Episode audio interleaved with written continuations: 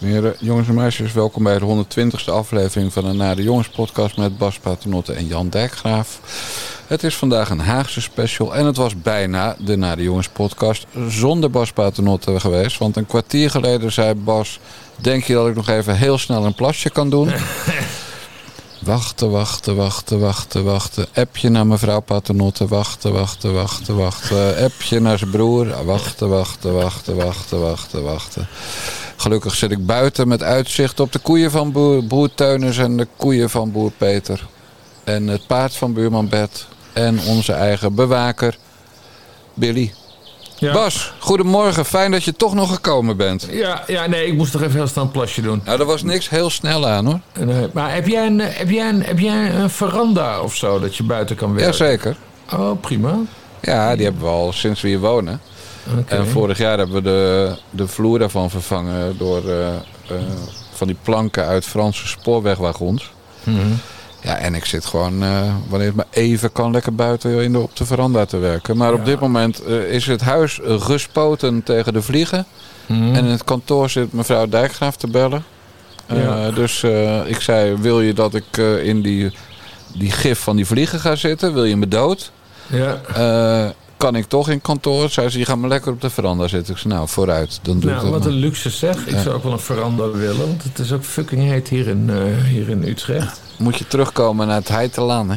Nou, terug naar het Heitelaan, ja. En Dan, eh, dan wil ik ook op een landgoed gaan wonen. Dat, eh, ja, ja, ja, ja. Maar goed, Nou, mooi. Tot mooi, zover mooi. Eestega en Utrecht, waar je dus weer zit te zweten in je pyjama en je pantoffels. We gaan over naar Den Haag.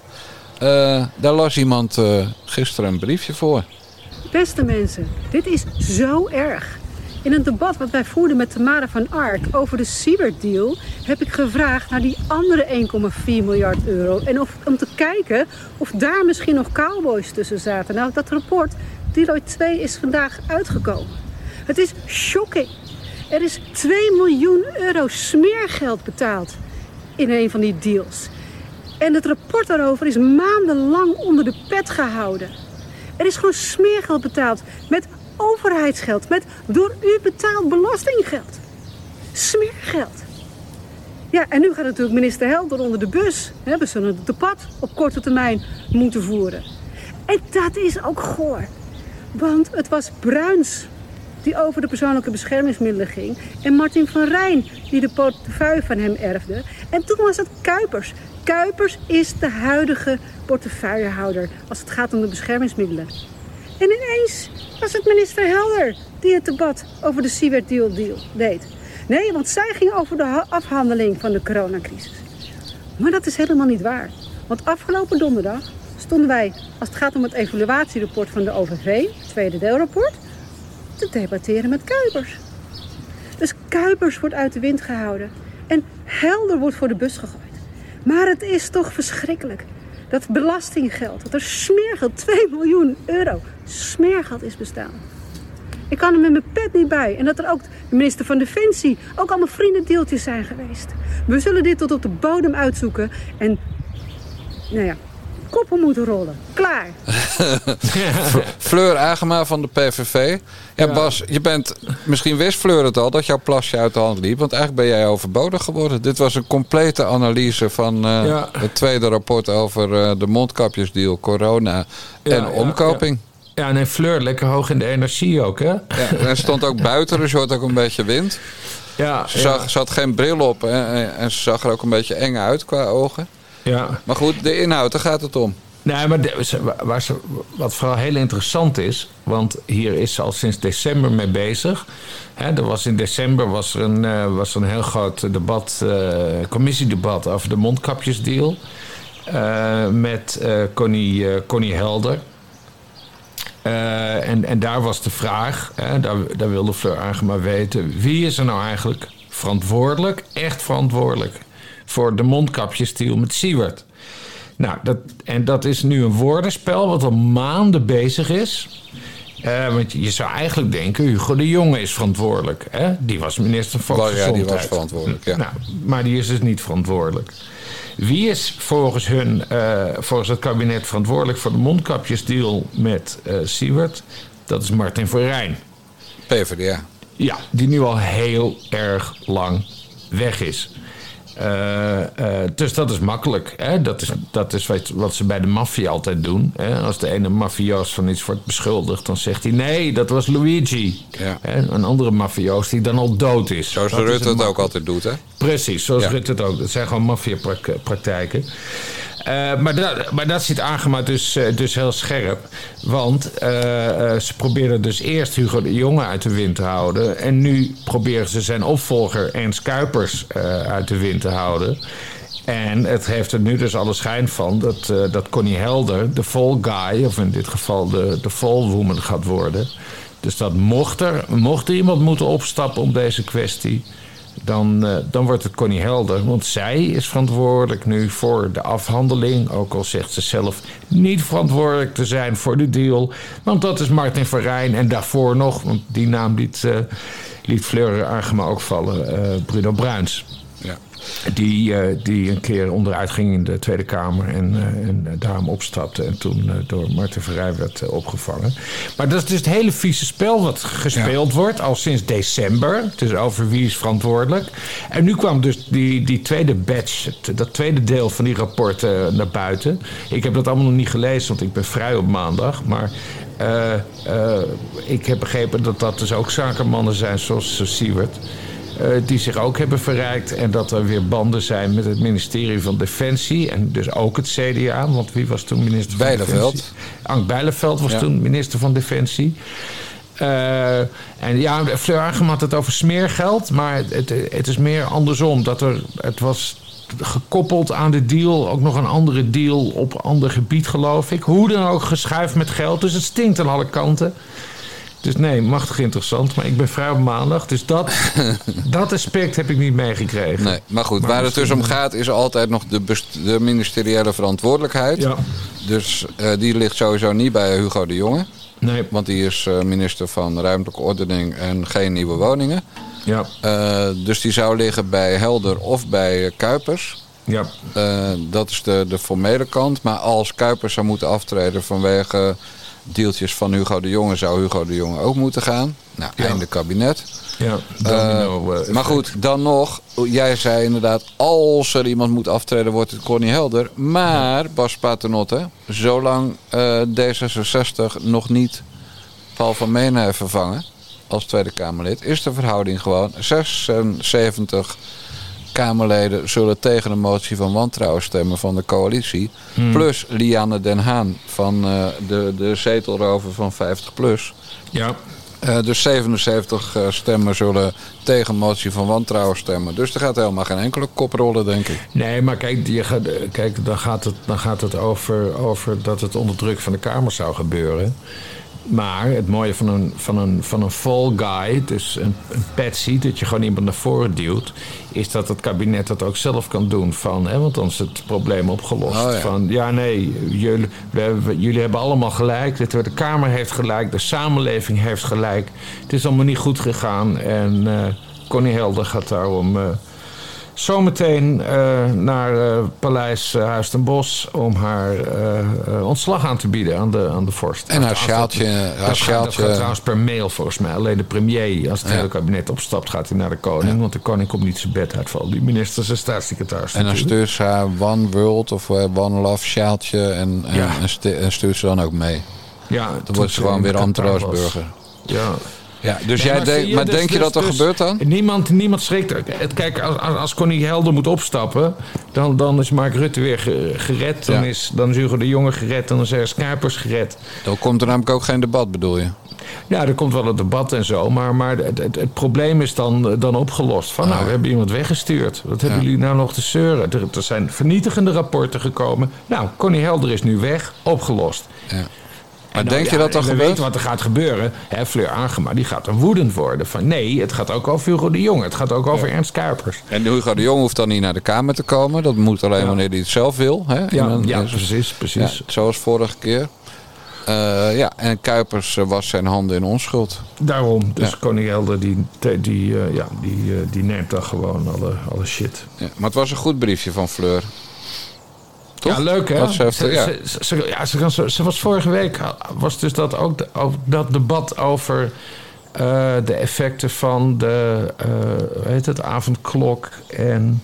Nou, wat was het andere onderwerp nou? Avondklok en nog iets. Nou ja, Mond- goed. Oh, eh, ja, ik weet ook niet meer wat. Oh, de QR-code. Oh ja. Ja, QR-toegangsbewijs en zo.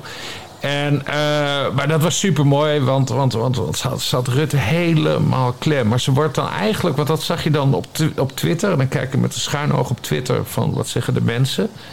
Dat ze er soms toch wel erg boos vinden. En dat haar boodschap beter overkomt als ze minder boos is.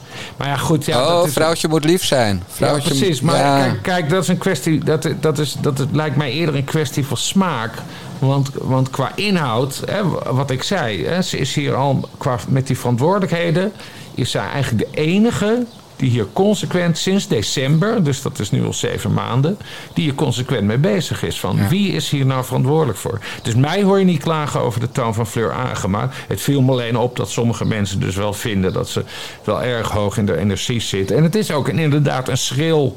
Hè, het is een schril stemgeluid. Maar ja, het is een belangrijk onderwerp. Vergis je niet. Dus ik, daar komt de emotie bij kijken. Nou, maar goed, bij, eh, bij het Groningen-debat zat Beckerman van de SP hoog in de energie. Ja. Het is alleen maar goed dat zo'n mensen kandelen. Het hoeven niet allemaal robotjes te zijn in, eh, in, in maatpakken en met puntschoenen die glimmen. Toch? Het mogen toch Nee, gewoon mensen zijn. Dat is juist een groot probleem. Heb ik de laatste dagen gelezen. Dat er veel te weinig praktisch opgeleide mensen in de Kamer zitten. Ja. En veel te veel van die stuutjes. Van, van die Ja. gladjakkers. Die inwisselbare. van D66. Ja, precies. Dat, dat, dat walgelijke magere mannetjesvolk. Maar goed, die zitten in alle partijen. hè. Dacht je van Ruben, eh, wanneer krijg ik ook buitengroei Brekelmans? Ja, Is er ook zo iemand? die kun je gewoon één op één uitwisselen met Shoot Shoots. Maar dat, eh, Maar nee, die heeft wel een baard. Ik kan veel van Sjoerd Sjoerds maar zeggen. ja, Maar die dat is waar. Hij heeft, Ja. hij heeft wel gezichtsbeharing. Ja. Ja. Nee, meer die, die Felix Knot of hoe heet er die? die dat, dat mannetjesmakertje. Die op Van, van D66, ja. Dat, dat is meer eh, Ruben Brekelmans. Ja, ja. Ik denk dat, eh, dat, dat eh, Gundogan nog meer baardgroei heeft dan, eh dan Brekelmans, als ik eerlijk ben. Ja, dat weet ik wel zeker. Ja. Ja. Siewert had trouwens, Siewert had ook geen baardgroei, nee, hè? nee Siewert, maar Siewert was wel, had wel aanleiding tot dik. En dik zijn. En bij de magere Ja. mannetjes moet je wel echt slank zijn. ja, Maar ja. goed, dit, dit verhaal over smeergeld zet natuurlijk wel gewoon weer dat hele Siewert-verhaal ook in een breder perspectief. Siewert is een beetje de katvanger voor alle criminelen in dit verhaal. Ja, geworden. Ja, ja. En, en dat duurt ook verrekte lang voor er eens een keer een rechtszaak tegen hem eh, komt, wat mij betreft. Eh, die, kan die, die jongen hang- bungelt wel heel lang. en hij kan niet bij zijn centen en hij kan niet bij zijn auto. Nou, die is verkocht. Ja, nee, het duurt, het duurt, echt, het duurt echt mega lang. En eh, ja, ik zit daarvoor er niet goed genoeg in. Maar als je dit, dit verhaal hoort... Ja, Siewert is dan natuurlijk wel de perfecte bliksemafleider lange tijd geweest. Ja. Terwijl er gewoon soortgelijk, hè, Siewertoïde, laten we het zo noemen. Ja. Er waren dus gewoon meer van dit soort, eh, dit soort types. Dus Siewert veel. is er helemaal niet uniek in. Nee. En dit gaat in totaal over anderhalf miljard, wat, wat te, Ja. te veel is betaald. Nou, weet je wat de grap is, Bas? Mhm. Eh, die anderen hebben gewoon alleen gejat. En Siewert heeft daarnaast nog een soort goede doelenorganisatietje opgezet. Wat ook Ja. daadwerkelijk eh, goede dingen heeft gedaan. Hè? Dat vergeet iedereen wel. Ja. Het was niet alleen maar eh, stelen. Het was ook nog... Komt die herrie bij jou vandaan? of Nee, bij mij? jou. Oké. dan Hier, eh, hier hoor ik vogels. Ik, ik zie de koeien, ik zie een paard, ik zie geiten, Ja. ik zie Billy. Die... Billy! Billy! Billy! Ja, je kan hem net niet horen, maar Billy praat altijd terug. Nee, En, en, en Billy is een alpaca? Nee een kat. Oh, oké. Volg me nou toch eens op Twitter, man. Ik weet wel dat je me geblokt hebt, maar ik Ja. heb net een foto van de bewaking gestuurd. Ja. Nee, kijk, het gemene, het, het gemene van Siewert is, en waarom hij te- terecht kritiek krijgt, is, hè, hij, hij is dus die, die, eh, hij is die club begonnen van, hè, wij gaan mondkapjes regelen, om niet. Ja. En, eh, en nu blijkt hij onder die vlag, eh, heeft hij dus keihard geld verdiend. En, en, en deze andere kerels, er zit een Ferrari-dealer onder, begeef ik. eh, die hebben het dus niet onder een vlag van een goed doel gedaan. Die hebben gewoon keihard eh, money willen maken. Ja. En Hè, met succes. dus kijk, kijk, beide deugt dus gewoon niet.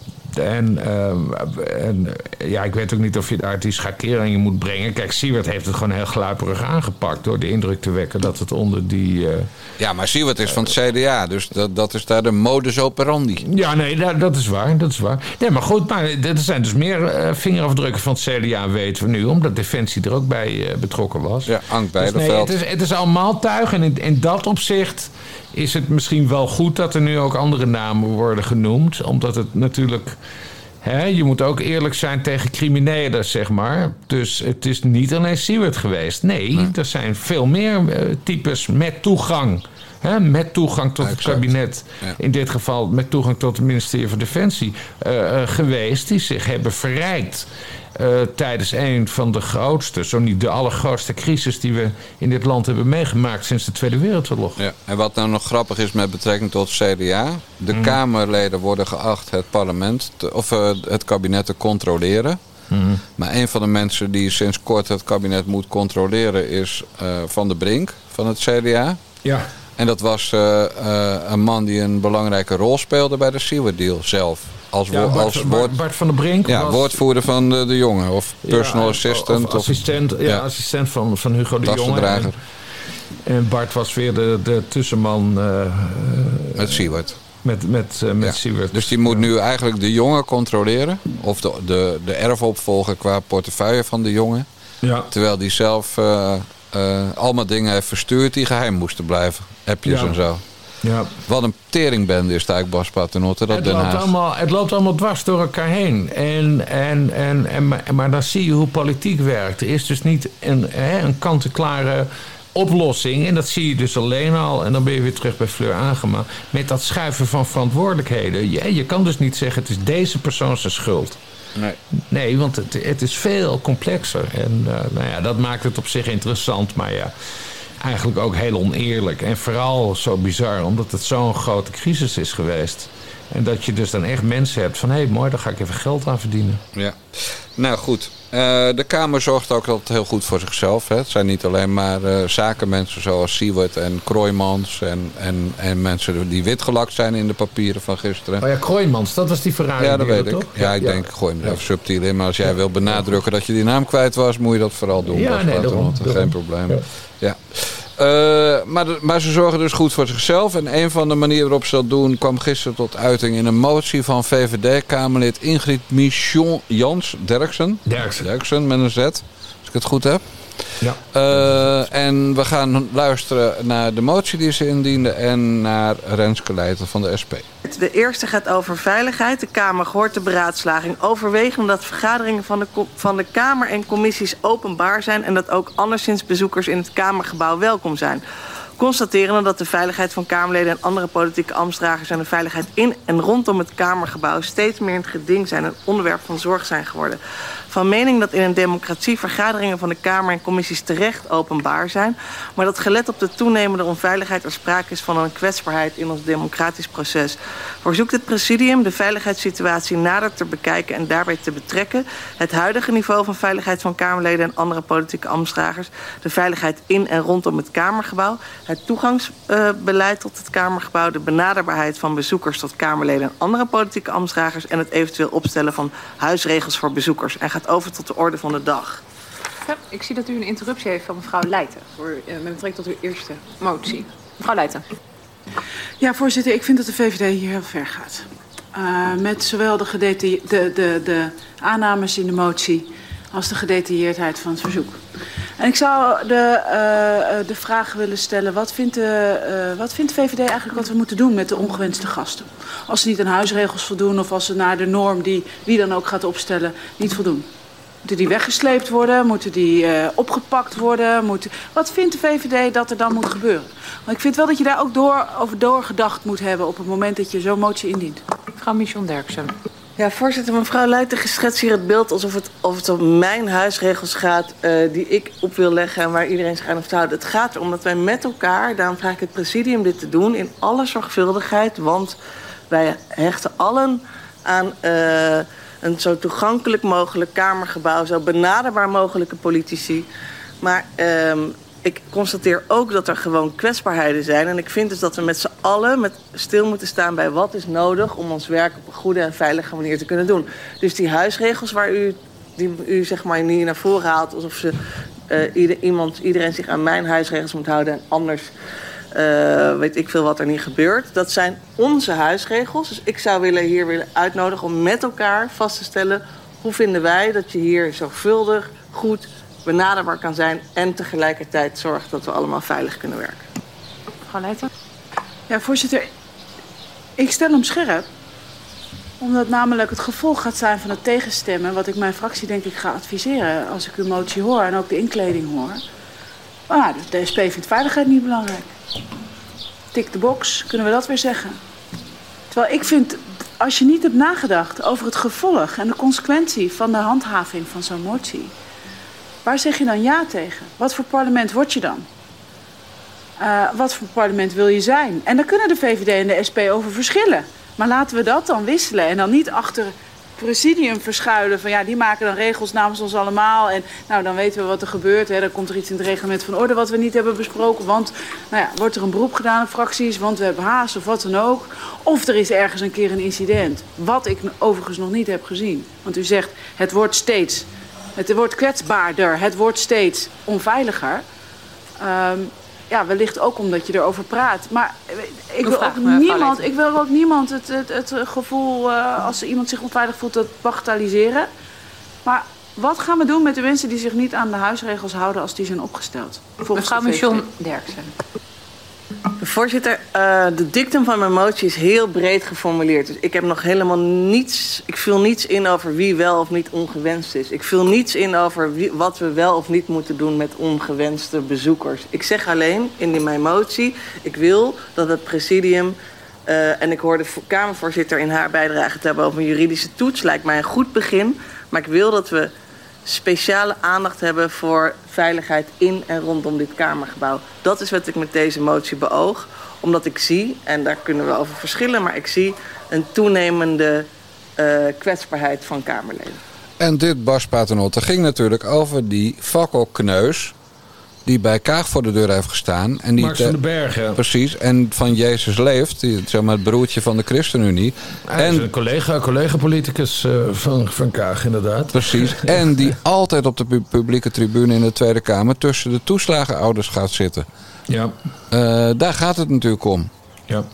En, en, en iedereen met een beetje gezond verstand, in elk geval jij en ik zegt... ja, uh, dat jochie moet gewoon ach, achter een uh, cijferslot in een kamer met zachte muren. Ja. Het is gewoon een, een crazy gast, maar die doet eigenlijk geen vlieg kwaad. Wat heeft hij nou gedaan en waarom heeft hij een half jaar in de cel gezeten? Hij heeft met een brandende fakkel voor de deur buiten bij Sigrid Kaag... en niet in haar eigen tuin, want ze woont direct aan de openbare weg... Dus op de openbare weg heeft hij eh, staan gillen voor het huis van Kaag met een brandende fakkel. En dat is niet leuk. Dat, is, dat, dat, dat kan als bedreigend worden ervaren. Maar daar heeft hij een half jaar zelf voor gekregen. Nou, die gast komt dus wel eens in het Tweede Kamergebouw. En vanwege die gast wil de VVD, Tweede Kamerfractie eigenlijk gewoon ja, dat, dat de nationale vergaderzaal, de plek waar toch echt iedereen welkom zou moeten zijn die niet gevangen zit, as we speak, uh, welkom zou moeten zijn, vind ik. Ja, nou, daar, daar, daar, daarom, is het, is het interessant. daarom heb ik Renske Leijten er ook even, even laten horen. Kijk, uh, Leijten, SP, is echt een, fundamentalist op dit uh, gebied. In de zin van, nou ja, dat zegt ze ook letterlijk. Kijk, als je één iemand de toegang ontzegt, dan schep je een precedent. Dus je moet daar heel voorzichtig in zijn. En vooral ook heel duidelijk hoe je dat gaat vastleggen. Hè, recente eh, dingen die we hebben meegemaakt op de publieke tribune onlangs.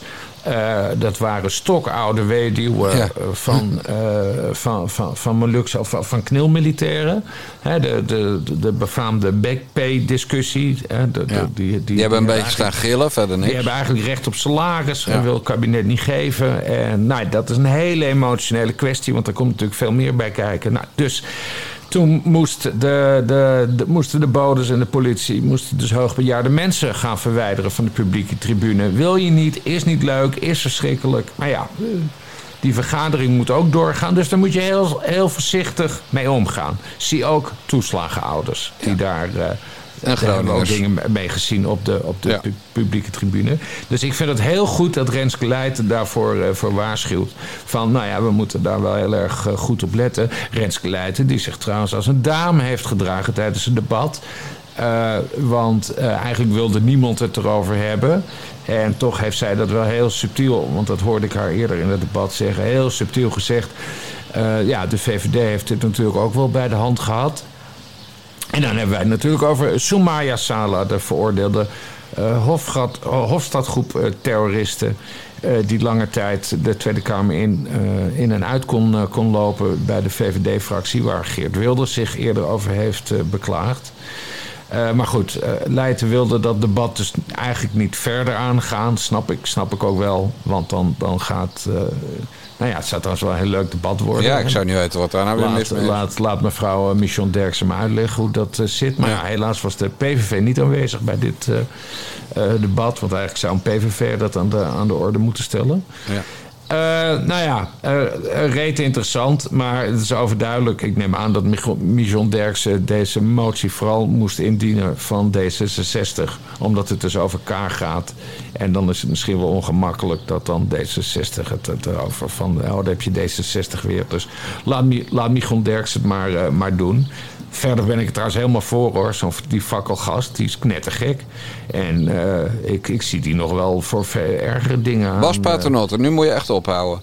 Ja. Als, als jij in Utrecht naar de Albert Heijn gaat om weer een hekje kapot te trappen... en die Ja, ja. fakkelgas kom je op straat tegen... Ja. wil je dan ook dat hem verboden wordt om op straat in Utrecht te lopen? Oftewel, ben jij minder belangrijk dan leden van de Tweede Kamer? Nee, toch? Nee, nee, nee. Maar waar het mij om gaat is dat deze man gewoon aantoonbaar geestelijk niet goed bij zijn hoofd is. maar daar hebben we in Nederland maatregelen voor. En dat is of je sluit zo iemand op...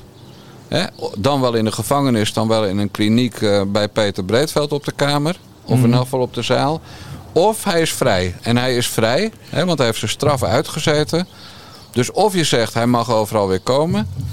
Eh, of je zegt hij mag nergens meer komen. Maar er is geen verschil tussen het Tweede Kamergebouw en de openbare Ja. weg aan de gracht in Utrecht. Ja, nee, maar goed, je weet, ik heb gewoon ik heb een hekel aan, aan rotzooimakers. En niemand zegt dat ik consequent hoef te zijn. Maar eh, de- deze, deze fakkelgozer is, die is net zo erg als die, die Huig Plug. Echt de Ja, meest onsmakelijke naam voor een activist ever. En je, weet- je weet, ik heb aan bepaalde dingen een enorme hekel. Dat zijn extreem linkse en extreem rechtse eh, demonstranten. Hè, van, van, van Extinction Rebellion en zo. Die, die helemaal losgaan. En dit soort gekkies heb ik ook een hekel aan. En ik heb iets van, dat moet je, dat moet je, dat moet je verre houden van Nee, de, er van de zijn, Tweede Kamer. in het Tweede Kamergebouw zijn regels op het gebied van geluid maken zelfs. Hè. Zo, eh, als mensen op de publieke tribune zitten, mogen ze geen enkel geluid maken. Ze worden twee keer gewaarschuwd en anders worden ze verwijderd. Die regels zijn er al. Mm. Dus het gaat, dit gaat om het eh, onmogelijk maken van iemands aanwezigheid. Nou, en dat daarom, moet je dus al. Daarom hamert Renske Leijten daar dus zo op van... eh, en zegt ze, ja, ik ga, ik ga waarschijnlijk mijn fractie adviseren hier Ja, tegen te want dit is vergelijkbaar met een stadionverbod bij voetbal. Mhm. Alleen, om, eh, om een stadionverbod bij voetbal te krijgen... Hè, de Tweede Kamer is dan een voetbalstadion... moet je in een voetbalstadion, of met betrekking tot het voetbal... iets fout hebben gedaan. Ja. Dus als jij met een, met een, eh, een vuurpijl een voetbalstadion inloopt... en je wordt gepakt, dan krijg je een stadionverbod. Of je gooit met een aansteker iemand voor zijn kop van Ajax... dan krijg je een stadionverbod. Ja. Maar dit is preventief mensen de toegang ontzeggen. Ja, ja. En, de- en, en, en dat is gewoon principieel fout. En als ze zich misdragen, kan je ze op grond van huidige reglementen al verwijderen van de publieke tribune. Maar het is veel erger. En, en Renske Leijten is een dame. Nou, ik ben geen dame. Dit, dit- het is een godspe dat de VVD hiermee durft te komen. Ja. Echt een godspe. Ah, Hier had Geert Wilders mee moeten komen. En dan had hij niet als voorbeeld de fakkeldrager in gedachten moeten hebben. Maar inderdaad Soumaya Sala. En Ja. alles met naam en toenaam. Ja. Soumaya Sala adviseerde de VVD-fractie over het terrorisme. Ze, en, en wie is een van de woordvoerders op dat gebied? De zoon van Afshin Elian. Die in Ja. de Tweede Kamer zit voor de VVD. En Afshin Elian was een van de mensen die deze Soumaya Sala in het vizier had. Ja, En dat kan je letterlijk nemen, want de wapens lagen achter in de kofferbak. ja. Dus het is een godspe dat die Ingrid Michon Derksen... dat die Ja. hiermee durft te komen. Echt eh, een schande is het, Bas Paternotte. ja, nee, maar goed. eh, Maar daarom, Renske Leijten is daar in ieder geval duidelijk Nee, maar dan in. moet jij ook, en de- ook vaststellen met, met... Ik heb een hekel aan extremisten. Daar gaat het niet om. Het gaat erom dat de partij die een moslimterroristen van de Hofstadgroep in de Tweede Kamer bracht. Hè, omdat dat de geile beer Frits Bolkestein een beetje gek op dat wijf was. Hè, die, die brengt er bij Rutte in het torentje. Die, brengt er bij, die Ja, zegt, ja. nou, Ja, ja, ja, Soumaya ja. hoeft van mij Ja, nog niet ja, eh, ja, Kamerlid te worden. ja, ja, nee, Echt man. Ik word er dossier, zo ik kwaad om. Ingrid Ja, nee, Derksen, die, die Ja, maar- verdient maar, echt... nee, maar kijk, mijn standpunt is duidelijk. Ik vind die, fakkel, die fakkelgast, die moet je niet binnenlaten. En die Soumaya Sala, die moet je ook niet binnenlaten. Maar kijk, ik ga er niet over. Maar Dat mag de fakkelgast dan op de gracht in Utrecht lopen van jou? Gewoon lopen en niks doen verder. Mag Ja, dat of niet? eh, vind ik prima. Maar waarom ik is dat ik- dan minder ik erg dan- liever niet dat hij in het hart van onze democratie eh, rondloopt. Die ga, echt, je moet hem in de ogen kijken. Hij is doodeng. Twee, drie jaar geleden. eh, Prinsjesdag. Dat zijn beelden van. Toen ging hij ook Theo Hiddema eh lastig Ja, maar dan moeten ze hem gewoon oppakken. En, en, en hè? Dan moeten ze hem oppakken en opsluiten ja, nou, in de Je kliniek. kan er toch voor zorgen dat hij uit de buurt van politici blijft. Nee, dat, want hij- politici zijn niet hij- meer waard dan hij- jij. Als hij de politiek zo graag wilt volgen, nou, dan doet hij wat ik doe. Dan zet hij de livestream aan. Bas, er is geen onderscheid tussen die gasten en, en jou. Behalve jij, jij bent nog niet veroordeeld voor het in elkaar trappen van dat hekje bij de Albert Mhm. Heijn. Maar dat is, oh, dat, dat is erger dan wat hij met die fakkel deed in feite. Want jij hebt echt iets vernield bij Albert Heijn. en die gast heeft alleen maar gedreigd iets te doen. En, dus ik, je bent niet principieel Je neemt genoeg. inmiddels mythische proporties Je aan. bent niet, niet principieel genoeg op dit punt. Er is dat is net als al die. eh, als, je, als je mensen die, die hulp verlenen, of journalisten of politici aanpakt, dat je zwaarder gestraft kan worden dan wanneer je gewoon een burger aanpakt. Dat is Ja, maar- principieel fout. Ja, nee, maar goed, niemand heeft me ooit op, op principes kunnen betrappen. Hoezo Ja, moet ik nu maar ik, ik mag je toch. Ik Je bent ik heb- 46 man. Ik heb een hekel aan rotzooitrappers gewoon. En, en, en of dat nou veroordeelde moslimterroristen zijn... Of mensen die hekjes kapot trappen ik bij Albert ik Heijn. heb gewoon, ik heb, ja, maar, eh, ik heb ze gewoon liever niet in de nationale vergaderzaal. Er- ja, maar, maar. Dus jij vindt Kamerleden meer waard dan burgers? Nee, ik vind het gewoon een heel erg vermijdbaar eh, eh, oplossing voor een eh, klein probleem. Geert Wilders stoort zich aan de aanwezigheid van Soumaya Sala. Sigrid Kaag, nou ja, Sigrid Kaag is een minister, dus dat is anders. Want het is niet haar huis, ze is alleen maar te gast in het Tweede Kamergebouw. Maar goed, bij D66 storen ze zich aan de aanwezigheid van... van die fakkeldrager. Nou ja, ik vind het allemaal niet zo erg. En ik bedoel, hij kan het op een livestream volgen. Hou ze, hou ze er buiten. Die Soumaya Sala heeft niks te zoeken in het Kamergebouw... zolang Geert Wilders daar rondloopt. Het is allemaal niet zo ingewikkeld. En de- nou ja, dat is hoe ik erover denk. Dat zal ik mee moeten doen. Nee, dit, dit kan echt niet. nee, kan het niet Nee, wij wisselen toch argumenten uit en dan, dan zeg jij toch meestal op het eind: je hebt gelijk ook tegen mij. Dat Ja, is toch hoe het altijd gaat. En nou heb ik een keer een belangrijk punt. Dat is namelijk dat burgers niks minder waard zijn dan Kamerleden. En dan, dan doe je. Nee, ik, ik heb gewoon hekel aan herrie, is dan je argument. Ja, waar Ja. slaat dat nou op? Ja. Nee, het gaat om het principe. Dat eh, journalisten zeggen dat ze bedreigd worden, hè, zal ik maar even zeggen. Sandertje Schimmelpenning. Vanavond is Sander Schimmelpenning in Sneek, weet ik toevallig. Nou, Nou, ik ga eens kijken hoeveel bewakers er zijn. Want hij zegt dat hij altijd met bewakers op pad is. Dus ik ben vanavond ook in Sneek. Ik zal de foto twitteren. Eh, he- het is heel vaak gelul over bedreigingen. Maar het leven van Sander Schimmelpenning... Nee, dat is een slecht voorbeeld. Het leven van journalisten is niks meer waard dan het leven van een timmerman. Dat wil ik alleen maar als principieel punt inbrengen. En dat is eigenlijk precies wat Renske Leijten ook bedoelt ja. over het Huis van de Democratie. Juist daar, daar zijn al heel veel regels. Daar moet je al door een sluis waardoor je geen wapens naar binnen kan brengen en geen vuurwerk en noem maar al die. Ik bedoel, de beveiliging, ik ben er laatst nog een keer geweest, de beveiliging is prima. ja. Dus, en, en zeker als het een bekende is, zoals die Max van den Berg, dan controleren ze extra goed. Hè? Dan voelen ze ook lekker in zijn onderbroek en in zijn sokken, bij wijze van Ja. spreken. Dus er is geen enkele reden. Nou, wat kan hij dan doen? Hij kan gillen. En hij kan naar beneden springen vanaf de publieke tribune. Nou, Ja. als tweede is, zou ik zeggen, laat vallen. Hè, als hij dat zo graag wil. Dat is een vrije keuze. En bovendien mensen die van Jezus leef zijn, denken toch dat er hierna nog iets beters komt. Eh, maar, maar het leven van Ingrid Michon Derksen is niks meer waard dan het leven van, eh, van jouw buurman. ja. Dus Dat jij is vindt dat punt. Soumaya Sala ook gewoon door de Tweede Kamer moet Nee. lopen? Dat dus niet, want de beveiliging van Geert Wilders staat dat niet toe. Dat een veroordeelde moslimterroriste, en we weten dat er altijd een kans is op eh, terugval, zoals dat heet. Hè, dat zegt de zus Ja, van nee, nee, Soumaya maar ze mag Sala. er wel rondlopen. Dat is de hele Nee, discussie. van mij dus niet. Ja, van jou niet, maar ze mag daar wel Ja, nee. rondlopen. En dat, is dus, en dat is dus waarom Ingrid Michon Derksen echt ja, gewoon zweepslagen verdient. Ik weet niet of ze daarvan houdt. Dan geen zweepslagen, maar gewoon dat we de kop inspuiten met slagroom, whatever. maar, maar gewoon iets dat, wat ze niet lekker vindt. Gewoon Ja. straf. Eh, Oké. of, of dat ze lid moet worden van D66. En dan eerst Ja. langs Frans van Drimmelen en eh, de Banga Boys eh, moet. Ja. Whatever. Vreselijk mens trouwens. Maar goed, ze zijn toch al aan, aan, aan de vrijheden in dit land aan het eh, klooien. En een ander voorbeeld daarvan, want hier komen we toch niet uit.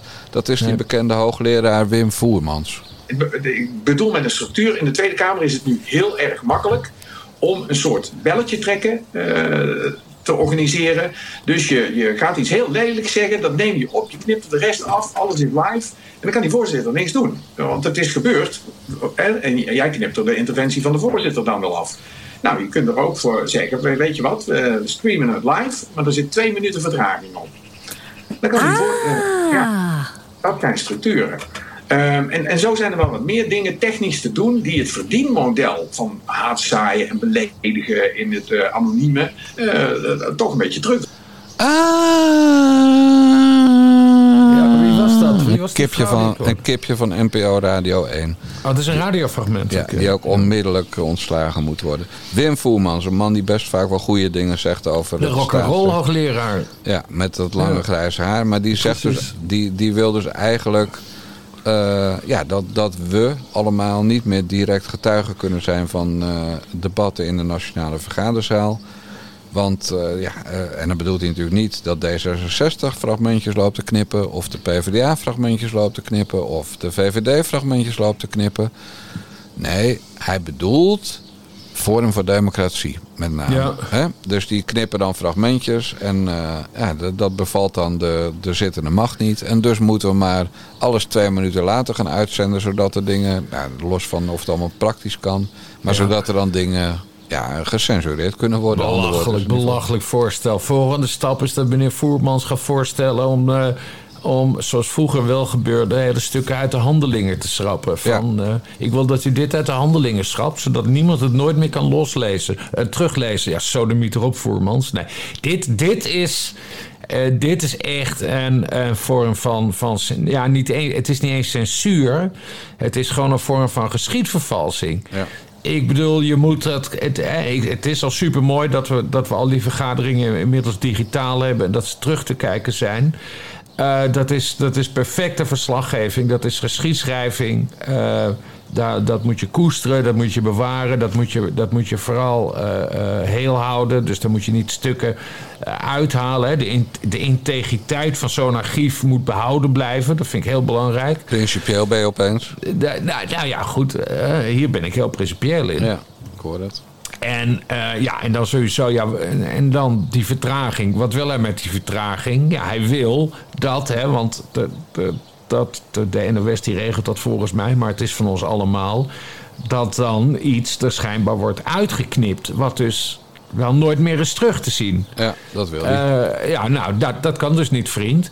En eh, vind ik. En eh, ik vind het, ja, nee, ik vind het een heel dom, heel, heel dom voorstel. Het slaat nergens op en het gaat er ook niet, het gaat er ook niet doorheen komen.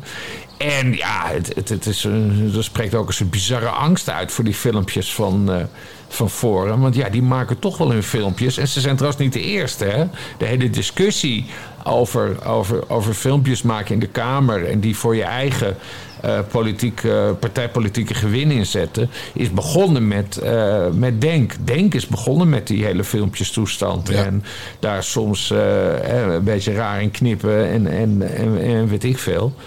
Maar ja, goed, mensen zijn niet dom. Het is, nee, het, is, nee, het, neigt echt naar, naar censuur en, en geschiedsvervalsing. Terwijl die Voermans, hè, die is toch altijd, altijd heel duidelijk over... Hè, ook in de kwestie omzicht en zo. Hij heeft het altijd wel op een rijtje, hoe dat allemaal staatsrechtelijk zit. Ja, en, dan, en dan juist die Voermans... Ja, die wil nu de transparantie van, van de Nationale Vergaderzaal gaan eh, beknotten. Nee, dom voorstel. Maar goed, dat is natuurlijk sowieso een beetje een tendens die je nu ziet. Hmm. Eh, dat gaat ook over de aanvallen op social media, maar dan met name Twitter. Vooral vanuit de D66 CQ Sandertje Schimmelpenninghoek. Ja, want ze, hebben het steeds over dingen die gebeuren op social media, maar het gaat alleen maar over Het gaat Twitter. over Twitter, waar ze zelf ook reet actief op zijn allemaal. Precies, met precies. hele valse filmpjes. Terwijl wij bedoel- weten dat Twitter voor sukkels is gewoon. En voor ons. Ja, daarom. Nee, Twitter is echt voor sukkels. Kijk, wij hebben er lol in. Maar, maar er, er is een hele wereld buiten Twitter, man. Het, het- we houden onszelf hier alleen maar mee bezig. Het is echt, echt. Als ik, als ik, als ik door had geleerd. No way dat ik ooit was gaan twitteren. Maar ja, ik, ik kan verder niks. Dus ik ga maar twitteren. Wat een gelul. Echt zo'n gelul dit. We zijn het wel heel veel oneens vandaag, zeg. Dit is gewoon, dit is gewoon zo slecht weer. Het, Twitter is toch een amalgaan van Bas jour- Paternotte. journalisten, politici en eh 300 triljoen miljard anonieme rukkertjes. En, nog die houden zich altijd. allemaal bezig. En nog altijd de meest betrouwbare nieuwsbron, omdat het heel snel het echte nieuws laat zien. En niet gefilterd door al die journalisten van de, van de systeemkranten en van de Ja. mainstream media, inclusief RTL. Dus zonder Twitter zouden mensen nog altijd onnozel zijn. En was bijvoorbeeld BBB niet zo groot geworden. En zou iedereen denken dat Mark Rutte nooit liegt. Ja. Dus Twitter is juist ex en Twitter, alle social media. eh, en ook de, zeg maar, de niet-systeemkranten en systeemmedia en omroepen. Die zorgen ervoor dat we inmiddels weten hoe we bedonderd worden door politici. En NGO's en noem allemaal maar op. Dus eh, ik vind echt dat je. En dat, daarnaast heb je allemaal wat jij opnoemt. Nou, en daarvoor hebben we een knop en die heet de blokknop. Ja. En je kan ook muten. Dus je kan in Twitter gewoon je eigen safe space maken. Eh, alleen snappen die sukkels dat zogenaamd niet. En zorgen dat je alleen volgt wat voor jou belangrijk is. Ja. Maar wil ik iets weten over Finland? Hè, bijvoorbeeld hoeveel asielzoekers Finland bereid is toe te laten. Dan lees ik dat wel op Twitter en niet, zelfs niet in de Telegraaf. En ik zie het Ja. ook niet bij RTL Nieuws. Dus, dus nee, zonder Twitter en andere, andere eh, moderne media... eh, ja, zouden we gewoon nog altijd bedonderd werden waar we bij waren. En we zouden het geen van allen doorhebben. Kijk maar naar al die bejaarden die alleen maar naar Nederland 1 kijken Ja. en NPO Radio 1 luisteren. En ja, die Rutte is toch wel een, eh, krachtdadige man. Ja, nee. Ja. Hij vindt het ook heel erg van die toeslagenouders en die Groningers. Nee, dat, heeft, dat raakt hem diep. Hij zegt het zelf. Ik, eh, ja, ik ben wel emotioneel daardoor. Dus echt Bas, je zit er zo naast. En dan, ja, alles klopt wel hoor. Dat, wat, wat jij zegt is ook waar. Ja. Eh, maar haal Sander Schimmelpenning en Pietje Lekkerkerk van Twitter af. En het is al best wel een reine omgeving opeens. ja. Eh, maar goed. Dus, Lekkerkerk, lekker, nou, maar Lekkerkerk heb ik al gemute. nou, zie je wel. Je kunt het. En eh Schimmelpenning, hè, we hebben het vaak over gehad, voor wie ik veel waardering heb.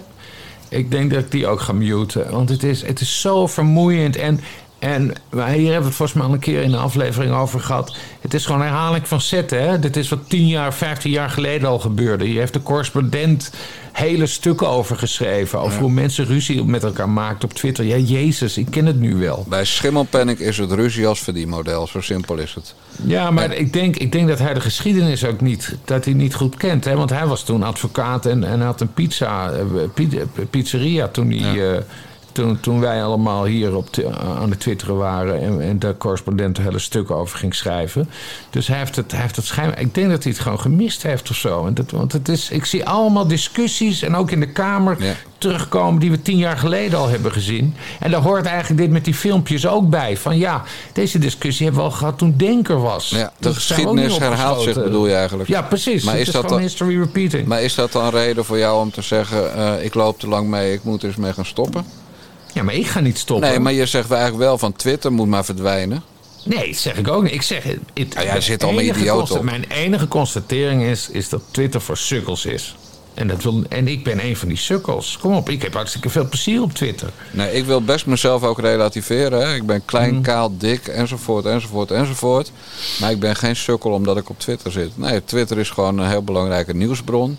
Het is een bron van vermaak. Dat is het ook. Eh, en het is ook een betrouwbaarder nieuwsbron dan eh, de mainstream media. En, en waarom wil met name D66 nou zo graag Twitter verbieden? En Want die kant zijn het opgaan. Omdat wat daar gebeurt eh, niet past in hun verhaal.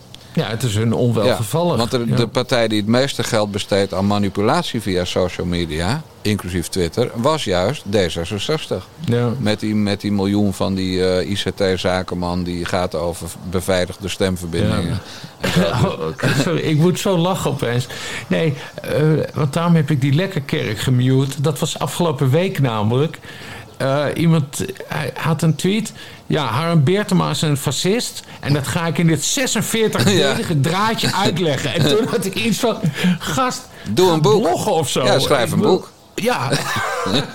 en toen heb ik hem dus gemute. Want ik had iets van... Dat hoe, echt, hoe haal je het in je hoofd? Ik ga nu, Ja. ik ga nu een draadje, een 46-delig draadje aankondigen. De baas van Greenpeace had zoiets in 15 eh, afleveringen. Ja. Maar weet je, ik was al boos dat Twitter van 140 naar 280 tekens ging. Want in de beperking toont zich de meester. Dus wie het in Ja. 140 tekens niet kan zeggen, vond ik al een prutser.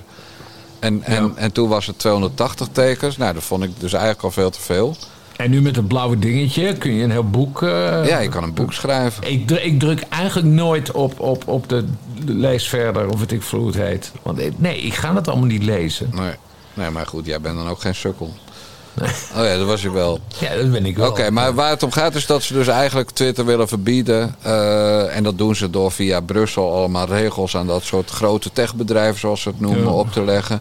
Eh, nooit uit zichzelf, hè, want zij mogen propaganda plegen zoveel als ze willen. En als we Ja. dat als nepnieuws eh, mel rapporteren, wordt het niet geaccepteerd door de platforms. En waarom niet? Omdat politici en ministers en ministeries rechtstreeks lijntjes hebben met Facebook en Twitter. Weten we nog uit coronatijd. Ja. Eh, dat ze gewoon kunnen beïnvloeden wat hoog staat, wat laag staat en wat wordt verwijderd van social Ja. media. Met name Facebook.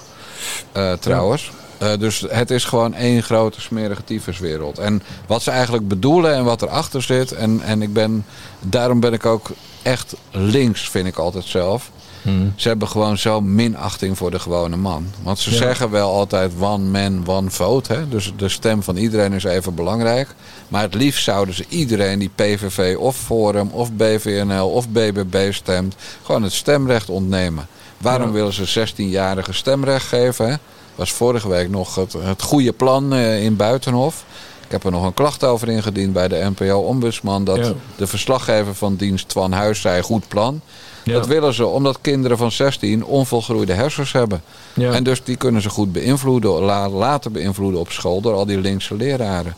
Maar wat ze niet weten, Bas, zij spreken alleen leraren uit de Randstad. En inderdaad, op het Barlees Gymnasium, daar zal het best een linkse bende zijn. En op andere VWO-opleidingen in het westen van het land ook. Ja, Maar ga eens naar een VMBO in, eh, laten we zeggen, Heerenveen. ja. Of eh, Enschede. Of eh, Maastricht, weet ik veel waar. Ga maar Ja. naar een VMBO en vraag dan eens aan de 16-jarigen... wat zouden jullie stemmen? Ja, en, want dat- dat had je vroeger, hè? Dat, volgens mij doen ze dat niet meer. Maar dat was voor, voorafgaand aan verkiezingen. Had je, heb je, had je peilingen en dan had je ook de scholierenverkiezingen. Ja. En daar werd stevast, PVV werd daar, ik heb het nu echt wel over Ja, ja, tien jaar terug, klopt. maar PVV werd er stevast de grootste in. Eh, en dus, dus eigenlijk zou je dat nu opnieuw moeten onderzoeken, want degene die hiervoor pleiten, dat, dat was zij toch bij. eh, eh, eh, Marcia Luiter. ja, Marcia Luiten, die, die pleitte daar dus voor bij Buitenhof. Eh, maar je zou dat voor de grap moeten onderzoeken, want ze, dat voorstel trekt ze terug. Zodra Exact. ze erachter komt dat het merendeel van de jeugd dan op, op de PVV zou Ja. stemmen. En jij zei natuurlijk iets heel interessants zonder dat je het zelf door had. Mm. Vroeger peilden ze dat altijd vlak voor Ja. de verkiezingen. Wat zou de jeugd stemmen? Ja. En dat doen ze niet meer. En waarom Nee. doen ze dat niet meer? Omdat de uitkomst er niet uitkomt. Ja, precies. En dan kom je, dan kom je in dat geval. En, eh, en nee, dat is inderdaad, het is inderdaad heel doodeng. Dus we zien het nu dat, dat notenbenen eh, hoogleraar Wim Voermans eh, wil gaan kloten met de, Ja. met de verslaglegging. Door, die, de, de, door de stream te gaan bewerken. Nou, er gaan dus allemaal stemmen op om, om Twitter te beperken. Het is, nee, het is, allemaal, het is allemaal heel enger. Want het gaat even. Je had dat mastodon. Hè? Op een Ja. gegeven moment zei iedereen. Nou, dan gaan we naar mastodon. We gaan naar mastodon. Nou, ze zitten fucking nog steeds allemaal bij Ja. ons op Twitter hoor. Maar dat is, dat is natuurlijk precies het punt. Want, en daarom heb ik ook dat boekje geschreven over social media. Mm. Het lijkt of dat ze niet doorhebben dat je zelf bepaalt wie jou volgt en met wie je praat op Ja, social media. Dat kan je gewoon zelf bepalen, ook op Twitter. Bedoel, ik, heb, ik heb 4000 mensen geblokt en 3000 mensen gemute. Waarom? Ja. Omdat ik, ge- ik, ik ontvang thuis ook niet iedereen. Bepaal ik ook zelf met wie ik Ja. communiceer en wie er op de oprit komt. Ja. Donderstraal even gewoon op. Ja. Maar het gaat puur om vrijheidsbeperking van de gewone man. En de gewone maar daarom, man. daarom dat, ze- dat, hè, er gebeuren dingen op Twitter, die vinden ze in die kringen niet oké. dus Nee. dan willen ze dat gaan beperken. Ja, idiots, dat deugt niet. Deugt En, niet. en moet je maar even kijken straks als we klaar zijn naar een foto van Wim Voelmans en Marion Koopmans. Hè, die ook Ja. altijd loopt te klagen over Twitter. Nou, broer en zus. Ik zweer het je. Ja, Ja, ja. ja, Ja, nee, maar dat... Ja. dat- ja, maar dat... dat Ja. dat- ja, nee, dat Ja. is het. eh, Ja, nee, Ja. eens. Ja. ja. Nee, maar dat hebben mannen van een zekere leeftijd, krijgen dat. Die gaan op... Op vrouwen lijken. Ja, die gaan op vrouw... Dat is het Geert Mak-effect. Ja. Geert Mak begint op een oud vrouwtje te... Of hij lijkt al heel lang op een oud vrouwtje. Maar, maar tien jaar geleden, toen had ik dat door. Dat is het Geert Mak-effect. Ja. Kijk, jij hebt geen haar, bij jou valt het nog mee. Maar eh, eh, nee, heel veel mannen van een zekere leeftijd veranderen in een oud vrouwtje. En Wim Voermans heeft dat dus. En, en ja, dus dan is het ook wel logisch dat hij opeens dan lijkt op, op de, als de zus Koopmans. van Marion Koopman. Ja. ja. Goed. Nou, we hebben genoeg vrolijkheid gehad. We hebben ook nog een treurige zaak. En wel dit. Het OM zegt zich te realiseren dat het belangrijk is dat er snel duidelijkheid komt in de zaak van Richard de Mos. Desondanks gaat justitie toch in beroep. Niet tegen de vrijspraak van de zwaarste aanklachten, deelname aan een criminele organisatie en mijneed, maar wel tegen de vrijspraak van omkoping en schending van de geheimhoudingsplicht. Volgens het OM hielp de Mos bevriende ondernemers in ruil voor donaties aan de partij. De rechter hield geen spaan heel van de aanpak van justitie.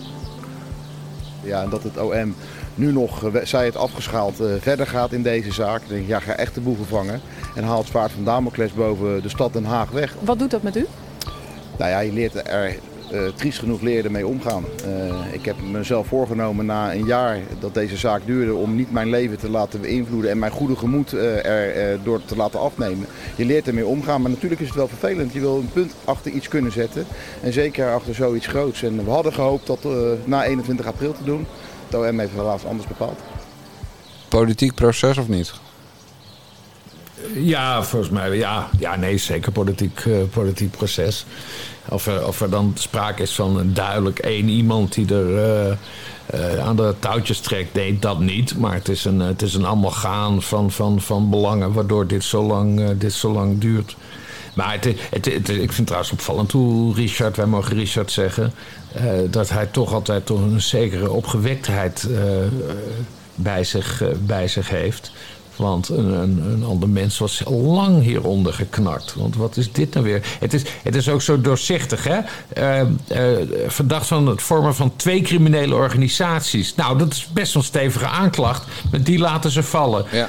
Ehm, eh, even zien. Tweede was omkoping laten ze vallen. Nee, omkoping is er nog. Nou, omkoping is er nog. En schende Amschijn. En eh, ah ja, schende, schende, schende ambtsgeheim is... eh, oh nee, mijn eet laten Ja. ze dan vallen. Oké, nou dat is ook een zware. Eh, dus dan heb, je, dan heb je omkoping en eh, schende, schending. Nee, Nou, dat- die omkoping, dat gaan ze sowieso al niet redden. Want dan, hè, dat zou dan gaan om, om, om die dineetjes en zo. Dat was volgens mij in totaal Boottochtje, ja. 1500 euro, die boottochtje. één of twee boottochtjes. Dus, dat, dus het enige wat overeind blijft... en I hate to say told you maar wij hebben het hier 100 jaar geleden... hebben we het hier een keer over gehad. En ik zei toen tegen jou van... het enige waar ze een punt kunnen hebben... is op dat schending ambtsgeheim. Omdat tijdens coalitieonderhandelingen... eh, de MOS contact heeft gehad met een van die ondernemers. Een Dus- klankbordgroep zat hij in. ja, of klankbord klopt. goed kun je Ja. het noemen. Maar eh, formeel was dat inderdaad schending ambtsgeheim. Maar daar is dus maar één voorbeeld van. En de rechter, hebben we gezien, die vond dat dus schijnbaar ook te klein. Maar het OM denkt dus, en dat doen ze louter om hun eigen gezicht te redden... Maar ik weet zeker dat dat erachter zit van... nou, als wij dat nog beter onderbouwen van die schending ambtsgeheim... en dat is dus helemaal niet zo moeilijk, hè, want het is gewoon allemaal vastgelegd. Op dat moment belde Mos vanuit het stadhuis met die en die. Nou, dan, eh, dan is de Mos schuldig aan schending ambtsgeheim. Nou, ik weet niet wat daarvoor staat. Het zal waarschijnlijk een boete zijn van 250 euro. dus dan ben je drie, vier jaar met dit monsterproces bezig geweest... voor dit hele kleine dingetje... puur en alleen omdat je te bescheten bent als openbaar ministerie. Door te zeggen van, eh, ja, weet je wat... Deze, we leggen ons neer bij de uitspraak van, van de rechter. En dan hoef je niet eens sorry te zeggen. Nee, je legt je er gewoon bij neer. En, dan, en dan kan Den Haag verder. Maar jij, zei drie, verder. maar jij zei drie, vier jaar. Maar dat is het inmiddels al. Hè? Het is 1 oktober 2019. Dus het is al bijna vier jaar nu. En er Ja. komt gewoon minimaal 12 maanden bij voor zijn hoger beroep. Maar omdat dit toch een gecompliceerde zaak is, reken maar op bijna twee jaar. Ja. Dus dat betekent dat tot, eh, tot halverwege 2025 is, eh, loopt deze hoge beroepszaak. Ja, en Nou, en- schandalig. En dan, Bas Paternotte, ga ik toch zeggen... hier gaat Richard de Mos schade bij spinnen.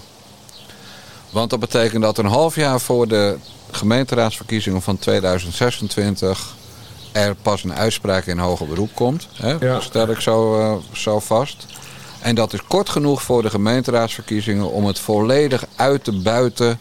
Ja, eh, als zijnde eh Hart voor Den Haag groep De Mos... ja. met het politieke proces is nu eindelijk ten einde. Ja. Ik heb een boete van, nou Bas zegt 250 euro, maar laten we maar zeggen voorwaardelijk strafje. Taak, Ja. Nee, voorwaardelijk strafje wordt het, hooguit. Ik heb een voorwaardelijk strafje gekregen. Kortom, het was eigenlijk helemaal niks. Het stelt niks voor. Nee. En nu kan Den Haag laten horen hoe schandalig het is... Ja. dat Hart voor Den Haag bijna zes jaar uit het gemeentebestuur eh, is geschopt. Nou ja, Ja. sterker nog, eh, ruim zes jaar uit het gemeentebestuur is geschopt. En het in deze stad een grote tyfusbende is geworden. En er heel veel geldproblemen zijn. Ja. En dit en dat en zus en zo. En dan gaan ze, eh, op zijn, gaan ze een EVB'tje doen, zoals dat tegenwoordig heet. En voor de mensen die niet weten wat een EVB'tje is. In Barendrecht is een politieke partij die bij de vorige, coalitie, of bij de vorige coalitieonderhandelingen 14 van de 29 raadzetels had. En door alle zes andere partijen eruit genaaid ja, werd. Cordon sanitair. En wat gebeurde er bij de volgende verkiezingen? Daar haalde die partij 20 van de 29 zetels. U kunt het allemaal teruglezen in mijn boek Totaal. Oh nee, in mijn boek Erop en Erover. Twee, ja. Dat wou ik zeggen. Erop en erover kunt u het allemaal in teruglezen. eh, hoe dat gegaan is. Dus op het moment dat Richard de Mos dan vol in de slachtofferrol is. En, en ook iedereen denkt, ja, dit. En dat denkt eigenlijk nu al iedereen. Hè? Ook burgemeester Van Zanen denkt ook, ja, het had klaar moeten zijn. Hè? Daar heeft Ja. ook een oproep gedaan van kappen nu. Ja. Eh, nee, Richard de Mos gaat in, in 25, 26 vol in de slachtofferrol.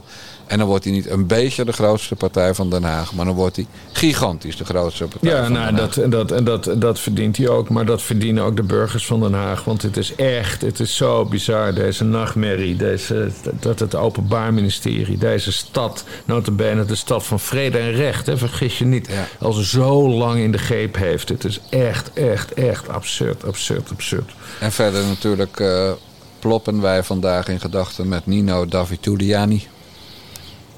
Ja, dat was een van de verdachten. Waarom ploppen we met die? Nou, dat is het vrouwelijke raadslid. Ja. Dat, eh, eh, dat nu niet meer in hoger beroep wordt vervolgd.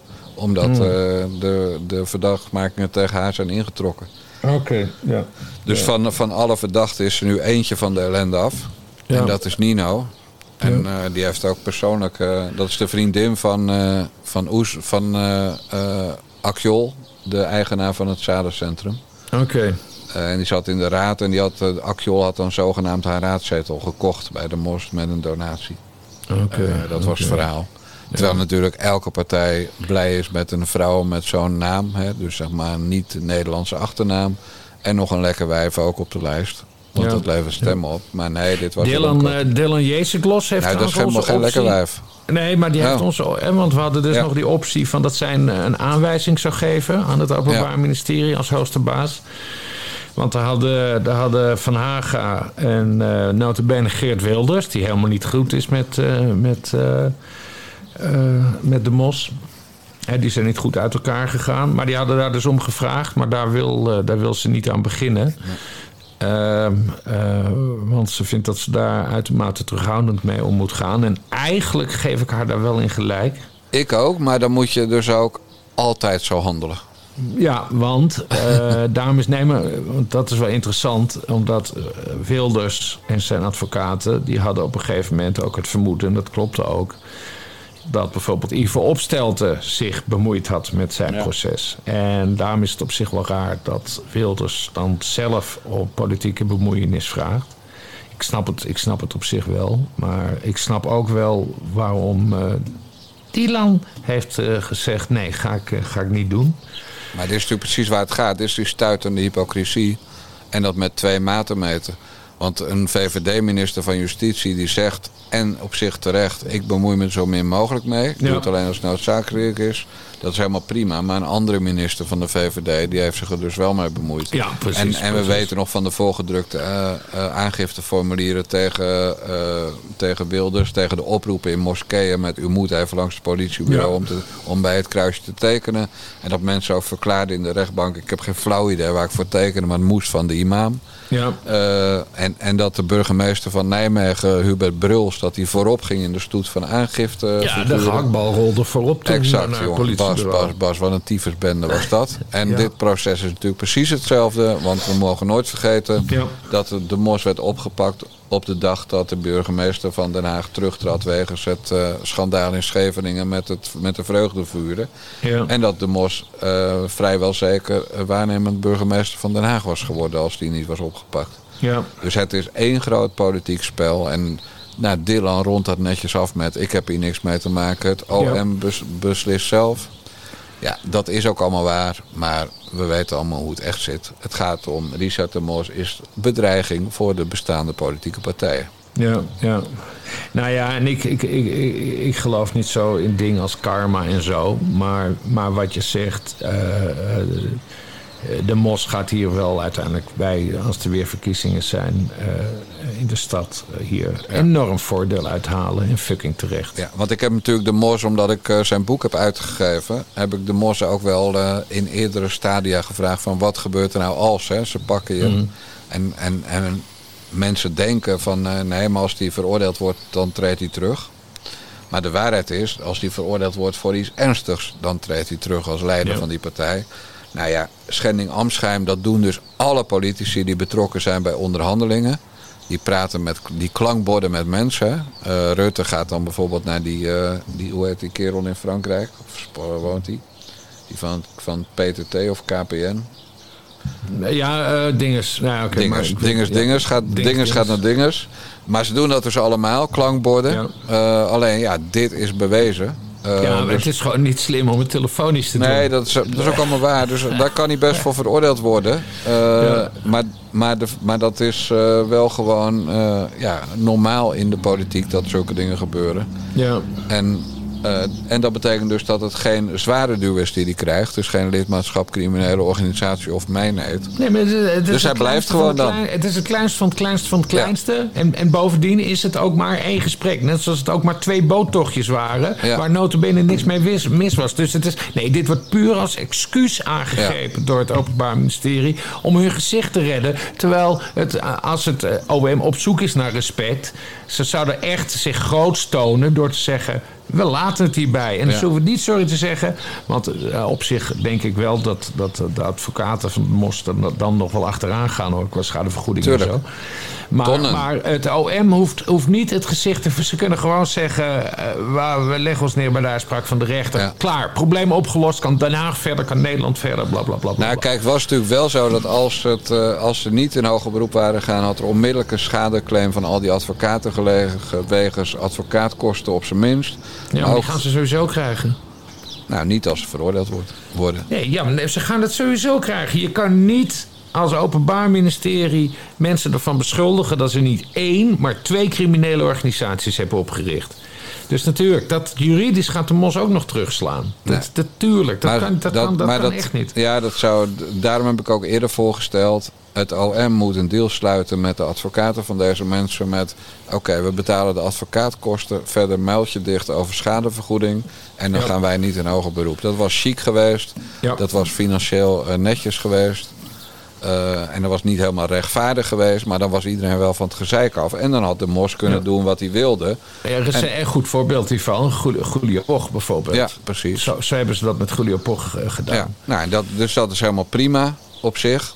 Kijk, en wat natuurlijk grappig is, is dat de Mos toen hij vrijgesproken werd meteen riep... en nu wil ik terug in het college. En dat, dat vorige week Bruno Bruins, die we eerder noemden... Ja. als gespreksleider is aangesteld om, om de boel weer bij elkaar te krijgen. Terwijl D66 natuurlijk sinds gisteren gewoon weer, eh, eh, feest, weer op de tafel staat te dansen in Den Haag. Ja. Met ja, wij hebben D66, GroenLinks en PvdA. Die hebben gezegd nee, de Mos niet in het college. Maar die kunnen nu ook zeggen, ja Bruno Bruins, waarom zouden we gaan praten? Hij is, nog hij is Ja. weer verdachte. Want dat is hij weer natuurlijk, hè? Ja, ja, ja, ja. Och, nee, echt, als je erover nadenkt, hè. D66 heeft ook dit land in de greep. Het is echt... Ja, ook. Voornamelijk. Ja, nee, maar eh, het is allemaal zo negatief en verdrietig. Ik hoop echt dat er een, nieuw- er moet een, er moet een nieuw D66... Boris van der Ham moet D66 gaan leiden. Dat gaat die, niet die, gaat al, die, die maakt korte metten met al dit zure gezeik, weet ik zeker. Dat is een ander onderwerp voor een andere keer wellicht. Ja, beste mensen, want wij noemen altijd op wie abonnee zijn geworden van de Nare Jongens podcast onder begeleiding van Phil Collins. En het is een hele lijst, Bas Paternotte. Zo verwelkomen wij vandaag Evelien, Rie, Samire, Betty, Harry, Sietse, Hans, Maarten, Niek, Marcel, Ron, Patrick, Milan, Nart, Hans, Wilma, Hilma, Wouter, Bas, Daan, Joke, Kees, Ron, Steven, Raymond, Herman, Klaas, Albert, Casper, Jean-Paul, Jeffrey, nog een Casper, Maaike, Ramon, Renate, Henny, Guusje en Marco. Maar eerlijk gezegd, Bas, dat is dan wel van twee weken. Zo moet ik ook... eh, ik moet- Ja, maar ik tel vooral dus elf vrouwen. ja, nou, dat is top. Dus dat gaat hartstikke goed. Ja, supermooi. Ja. Supermooi. En er zat ook één bekende Nederlander tussen. Hij weet wie hij is. Ja, ik zag zijn naam voorbij komen, maar we kunnen vanwege Nee, de, bij AVG, de hè? wetgeving mogen we dat niet zeggen. gaat niet zeggen wie, maar we zijn wel heel blij met ook zijn aanwezigheid. Ja. Eh, want beste mensen, u kunt zich abonneren op de Nare Jongens podcast. En dan krijgt u niet alleen de Nare Jongens podcast... die iedereen gratis mag beluisteren elke dinsdag... maar dan krijgt u ook één keer in de week de podcast Bellen met Bassie... waarin ik 12 minuten bel met Bas Paternotte... en ik hou het bij met de kookwekker. Bassie! En u krijgt op zondag de Na de Jongens, oh nee, de Basje en Jan Moskee podcast vanuit de moskee in Utrecht. Eh, Als binnenkort de kerk klaar is, dan gaan we een tijdje naar de kerk, want dat is een ecumenische dienst. Ja. En die is inderdaad elke zondag eh, live. En daarin gaan we ja, wat meer de levensbeschouwing in. Dus, dus eigenlijk is het gewoon een, een eh, ja, afzeikpodcast. Toch? Ook. Ja, ja. zo ben jij. Nou, en als je dat nou wil, die twee extra podcasts per week, dan kost dat je 4 euro per maand. Dus voor acht extra podcasts, twee kwartjes per stuk. Of 40 euro per jaar. Dan krijg je dus twee maanden gratis per jaar. En dan moet je naar petjeaf.com slash naar de jongens. En dan eh, eh, aanmelden. En als we bij 2500 petjes Juist. zitten, Juist. dan gaan we elke donderdagochtend om 9 minuten over 5 live de culturele podcast maken waarvoor we nog een leuke naam gaan verzinnen. Ja, en die slaan we dan wel op voor mensen die om 9 over 5 's ochtends nog op hun nest liggen. Ja. Want zo zijn wij. Nou, volgens mij, Bas, hebben we nu, de, zoals Matthijs van Nieuwkerk altijd zei, de administratie helemaal afgehandeld. ja, helemaal goed, helemaal goed. Had je nog wat te melden verder of zeg je Eh, wat je nee. altijd zegt? Ik, eh, ik hou het bij een simpel, maar Oké, wel de mazzel. eh, doei doei.